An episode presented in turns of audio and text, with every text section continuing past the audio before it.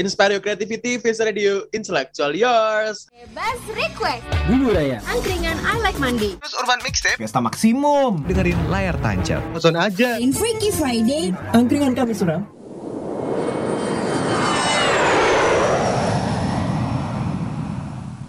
Fiesta Radio Ghost to Podcast.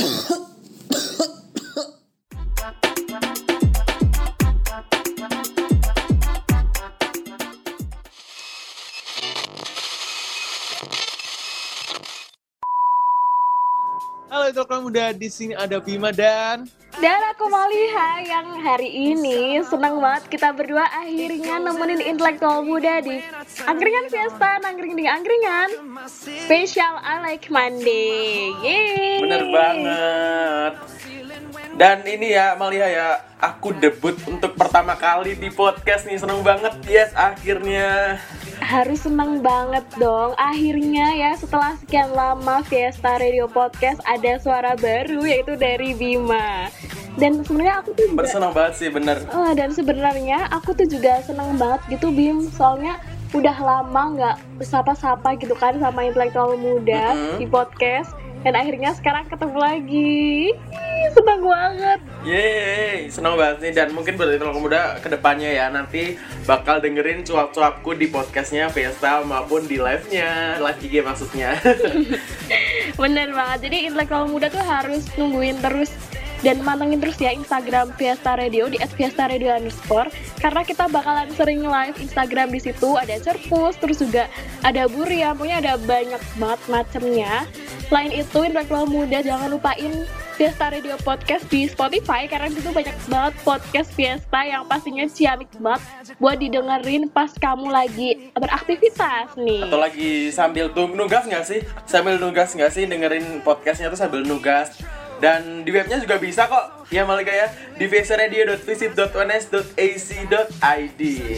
Oh, jadi intelektual muda bisa banget kunjungin webnya Fiesta kalau pas lagi bosen nggak ada bacaan gitu kan. Bener banget. Langsung aja tuh kunjungin web Fiesta karena situ banyak banget bacaan yang menarik. Ada tips and trick, ada juga tentang lagu gitu. Pokoknya ah, Fiesta Radio tuh nggak ada yang kurang deh. Bener banget. Eh Malika, BTW nih, ini kan masih masa pandemi ya. Ini kan masih masa pandemi dan walaupun masa pandemi itu ketemu orang susah, terus ngadain event ini itu susah ya. Tapi di masa pandemi itu masih banyak hal yang perlu disyukuri loh, Maliha. Eh banyak banget. Mm, Bener banget nih salah satunya kita tuh nggak usah pergi ke mana aja kita dapat akses yang serasa lebih mudah gitu loh dan bisa pergi ke mana aja lewat online bisa nih jadi kayak misalkan kalau pas zaman dulu kalau offline gitu kan kita webinar tuh cuma bisa ikut satu, magang juga cuma bisa ikut satu, volunteer cuma bisa ikut satu. Terus pengen apa-apa harus datang ke tempatnya, pengen belanja tas datang ke tempatnya, pengen belanja makanan harus datang ke tempatnya. Tapi sekarang karena pandemi ini ternyata kita harus bersyukur ya karena kita bisa ikut dua webinar atau tiga webinar sekaligus cuman bener sediain aja banyak device gitu kan ya kan Bim iya bener banget bener banget. Itu aku banget sih kadang. Kadang sih. Eh, dan ini loh apa kan banyak tuh webinar volunteer kepanitiaan gitu kan Maliha ya aku tuh kadang heran banget gitu loh sama temen-temenku dan sama orang-orang kok bisa ya dapat apa dapat sertifikat dapat sertifikat tuh banyak banget gitu loh. Ada magang terus ada volunteer webinar tuh bisa banyak banget gitu loh. Sedangkan aku tuh masih gini-gini aja terus kayak ngelihat pencapaian orang lain tuh aduh aku kayak jadi insecure sendiri sih Malia kadang sih. Tapi seri banget sih. Aku terkadang juga ngerasa gitu sih apalagi sekarang itu karena pandemi kan banyak waktu luang tuh. Aku lihat teman-temanku banyak banget yang buka usaha dan akhirnya sukses dan punya uang sendiri pastinya. Itu kan pasti seneng banget. Aku kayak ngerasa Hmm, seneng banget aku nggak bisa kayak mereka sih gitu. Tapi Bima kita tuh sebenarnya nggak boleh kayak gitu loh kita nggak boleh kenapa tuh ngebandingin diri kita sendiri sama orang lain Heeh. baik itu segi fisik ataupun finansial ataupun mental ya karena eh, setiap orang itu pasti punya istilah lebih dari segi mana pun Oh gitu ya, berarti aku tuh nggak boleh uh, ngebandingin nggak compare diriku sama orang lain ya? Kenapa tuh? Kok nggak boleh? Benar banget kita nggak boleh compare diri kita sama orang lain karena kita kan juga punya kelebihan kita sendiri kan dan menjadi tokoh utama dalam hidup kita sendiri kenapa gitu why not gitu kita bisa banget jadi pemeran utama dalam cerita hidup kita sendiri Hmm, bentar tuh, bentar tuh. Kan aku tahu ya maksudnya pemeran utama dalam hidup kamu sendiri. Tapi aku tuh kayak kurang tahu makna keseluruhan dari kalimat itu loh. Maksudnya tuh pemeran atau karakter utama dalam hidup kamu sendiri tuh apa gitu loh Malia yang kamu maksud. maksudnya itu kamu it adalah karakter utama dalam hidup kamu sendiri itu Hmm, gitu ya. Jadi eh, kalau bisa dijabarin tuh kayak gimana tuh? kamu tuh harus stop ngebandingin diri kamu sendiri sama orang lain karena setiap orang berbeda kamu bisa kok nyiptain your own wonderland yang orang lain itu nggak punya. Kayak misalkan nih kamu kan punya keahlian di bidang public speaking langsung aja kamu Hmm, tunjukin kalau kamu peran utama dalam bidang itu dan dalam hidupmu. Jadi kamu ikut banyak lomba-lomba atau eh, kayak ya udah pas ngobrol sama teman-teman kamu kayak "Ah, aku tuh hebat loh dalam public speaking gitu. Jadi hmm. kalau kalian harus iri sama aku. Oh jadi kayak lebih eh, ke menspesialkan diri sendiri gitu ya?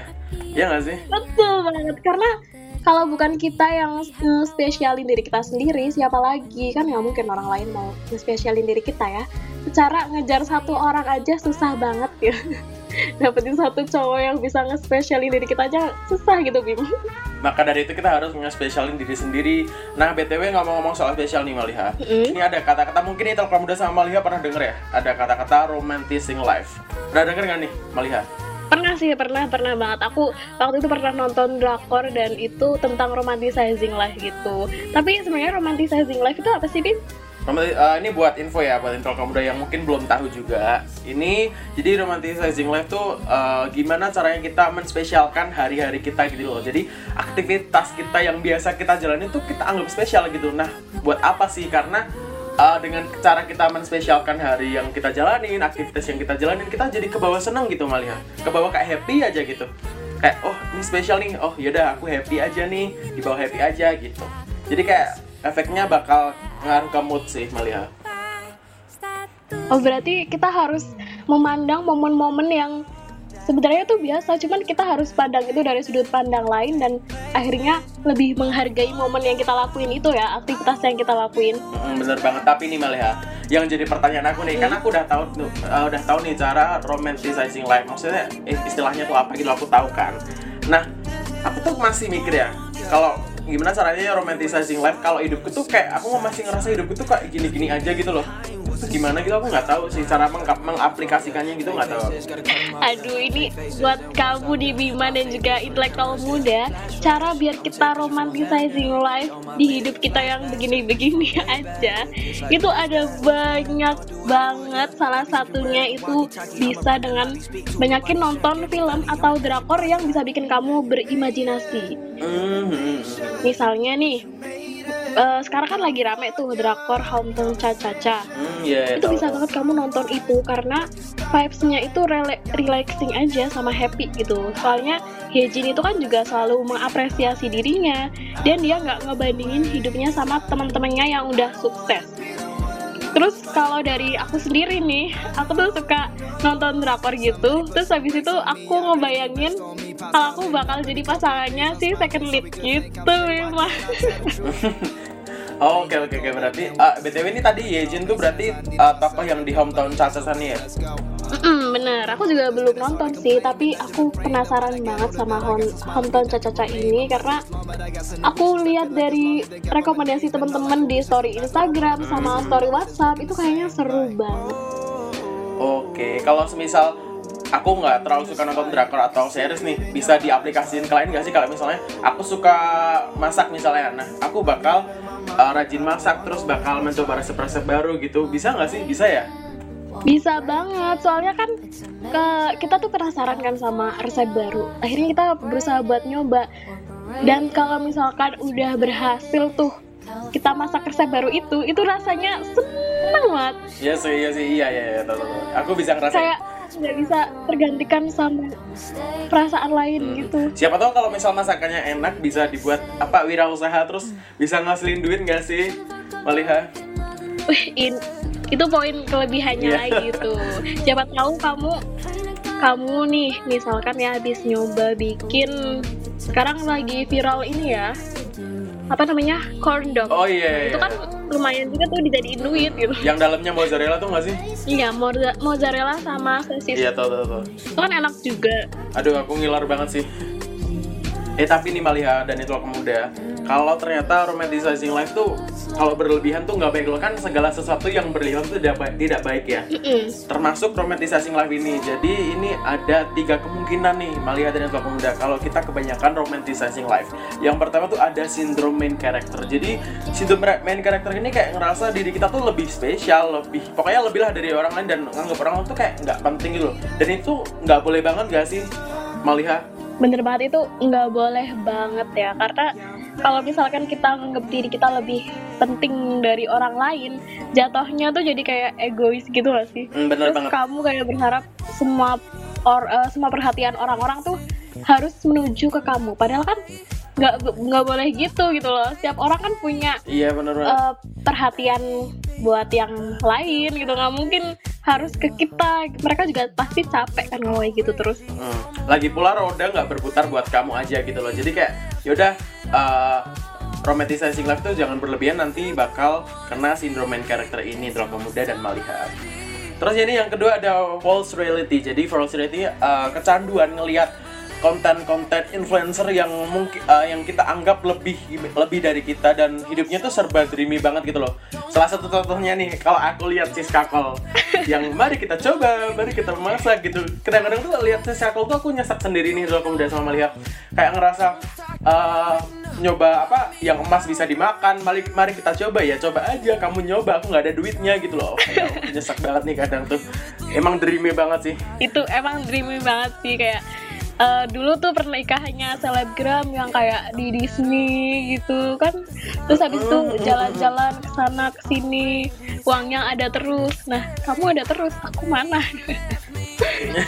Sebenarnya itu nggak apa-apa ya sebenarnya nggak apa-apa kalau kalau melihat gitu loh. Tapi jangan berlebihan gitu loh maksudnya jangan berlebihan dan dijadikan motivasi gitu loh. Kalau semisal uh, pernikahannya di di mana tadi yang di Disney itu ya? Jadi kita di- jadiin motivasi gitu loh. Oh berarti besok nikahku pengen di Disney nih aku uh, bisa kerja lebih giat lagi terus kuliah lebih semangat biar besok dapat kerja yang bagus dan uh, dapat uang yang banyak bisa biar bisa memenuhi uh, dream weddingnya gitu loh melihat bener sih bener banget kata Bima intelektual muda. Karena kalau misalkan kita cuma pengen-pengen doang tapi nggak ada usahanya itu kan sama aja bohong ya sama aja kayak bener banget. Ah kamu pengen tapi kamu nggak mau usaha gimana kamu mau buat apa juga gitu kan? Buat Iya. apa juga gitu loh. Nggak mungkin banget lah gitu. Ini yang ketiga nih Maliha dan Loka Muda ada estetika jadi lebih penting daripada rasa syukur. Nih aku uh, ngebold rasa syukurnya ya. Sebenarnya ra- rasa syukur tuh bener-bener penting banget nih loh Loka Muda sama Maliha. Aku kasih tau ya. Kalau kita bersyukur tuh kita bisa melihat dari sudut pandang baru gitu loh. Kita bisa melihat sesuatu yang nggak kita lihat sebelumnya. Oh ternyata hidupku tuh nggak uh, nggak jelek-jelek amat ya. Ternyata ada yang nggak uh, apa namanya ada yang nggak lebih beruntung daripada aku. Terus ada yang lebih kasihan daripada aku dan aku harus bersyukur gitu loh dan untuk mencapai rasa syukur tersebut kita harus mempunyai kesadaran nggak sih melihat? Bener banget kita harus sadar ke keadaan kita gitu.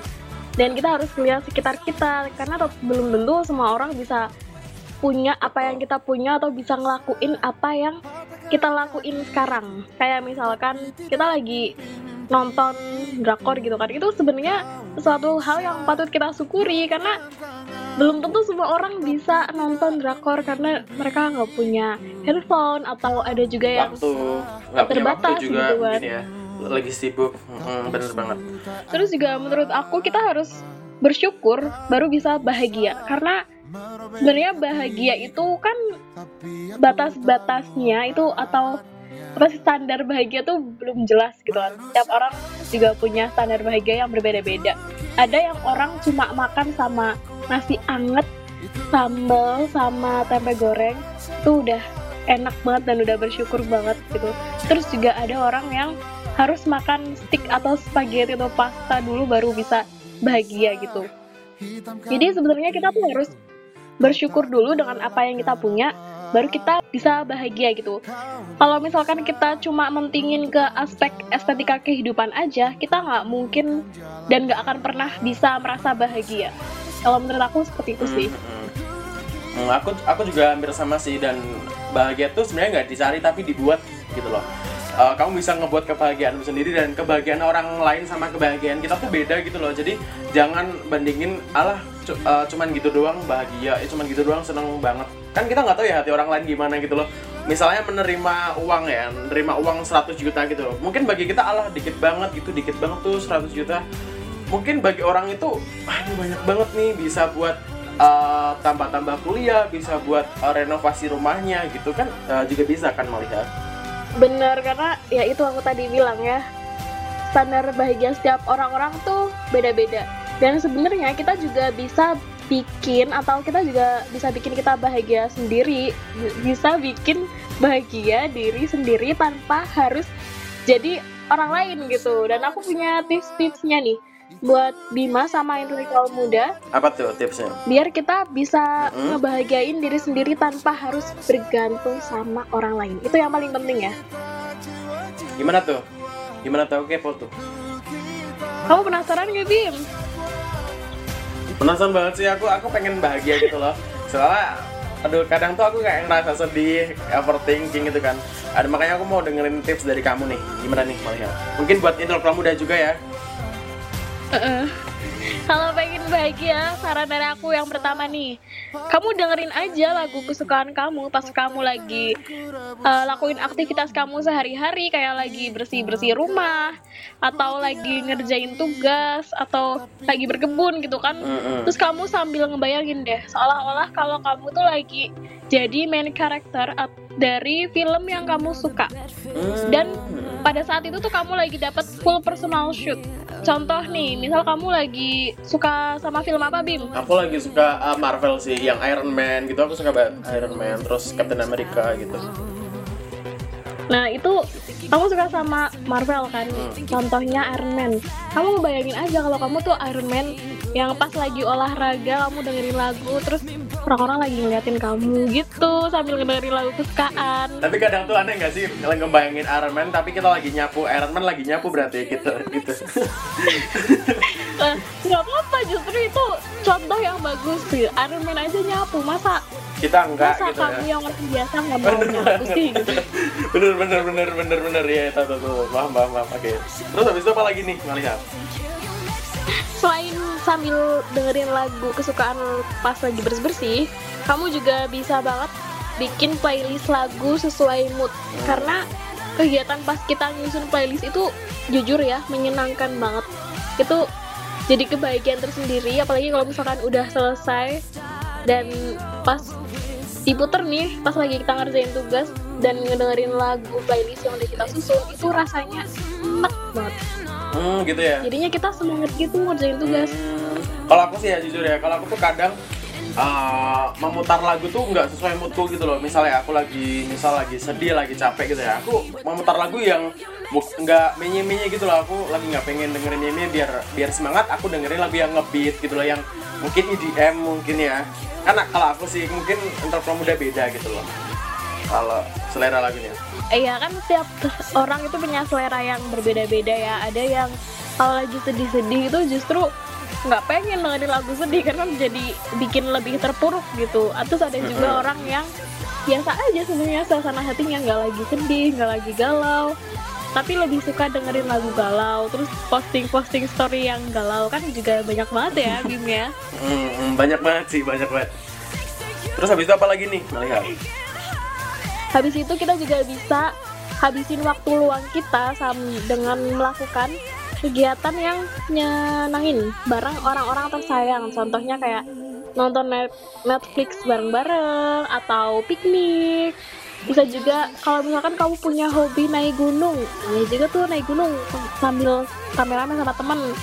Dan tentu aja tetap patuhi protokol kesehatan ya. Hmm, karena lagi pandemi kan Betul. Nah kesimpulannya yang bisa kita ambil intelektual muda, kita itu bisa menjadi pemeran utama dalam kehidupan kita masing-masing. Karena sebenarnya pemeran utama itu cuma persepsi, tergantung dari sudut pandang mana sih orang itu ngelihat sama memahami kehidupannya. Dan eh, setiap orang tuh berhak ya punya kisahnya sendiri dan berhak jadi pemeran utama dari hidupnya. Banget Nah nggak kerasa nih ya untuk kaum muda ini udah eh, kita tuh udah ngebahas soal romantisasi life, terus ngebahas soal eh, kelebihan dan kekurangan romantisasi life gitu loh dan aku sama Malia juga senang banget nih bisa berbagi cerita eh, untuk kaum muda juga bisa dengerin sharing-sharing dari aku sama Maliha gitu. ya bener banget Dan aku sama Maliha mau ngucapin makasih banget nih buat produser, anak musik, dan anak TOP yang udah ngebantu ngedit atau buatin konten dan nge-up di Spotify Spotify-nya Vesta Radio di Vesta Radio Podcast. Ini ada uh, Saras, Niken sama Ajeng. Makasih buat kalian bertiga. Semangat ngeditnya ya. Dan uh, buat aku muda, jangan lupa ya aku nggak bosan-bosan ngingetin follow Instagramnya Vesta di @vestaradio underscore dan boleh banget nih punya uh, buat kamu yang punya kritik dan saran bisa banget kirim di emailnya Vesta di vestaoner@gmail.com dan boleh banget juga mampir di kabin Serena Vesta di Gedung Pala Tempat Kampus Visip UNS. Bima cabut. Maliha pamit dan akhirnya dari Fiesta dengan cinta kita bangun Indonesia. Dadah Bye-bye. Intelektual muda, terima kasih. Bye, Intelektual muda.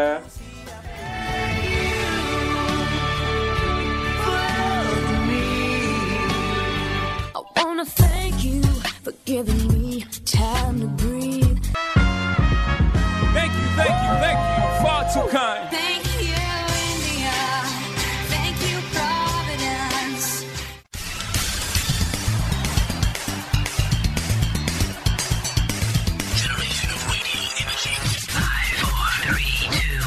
Fiesta.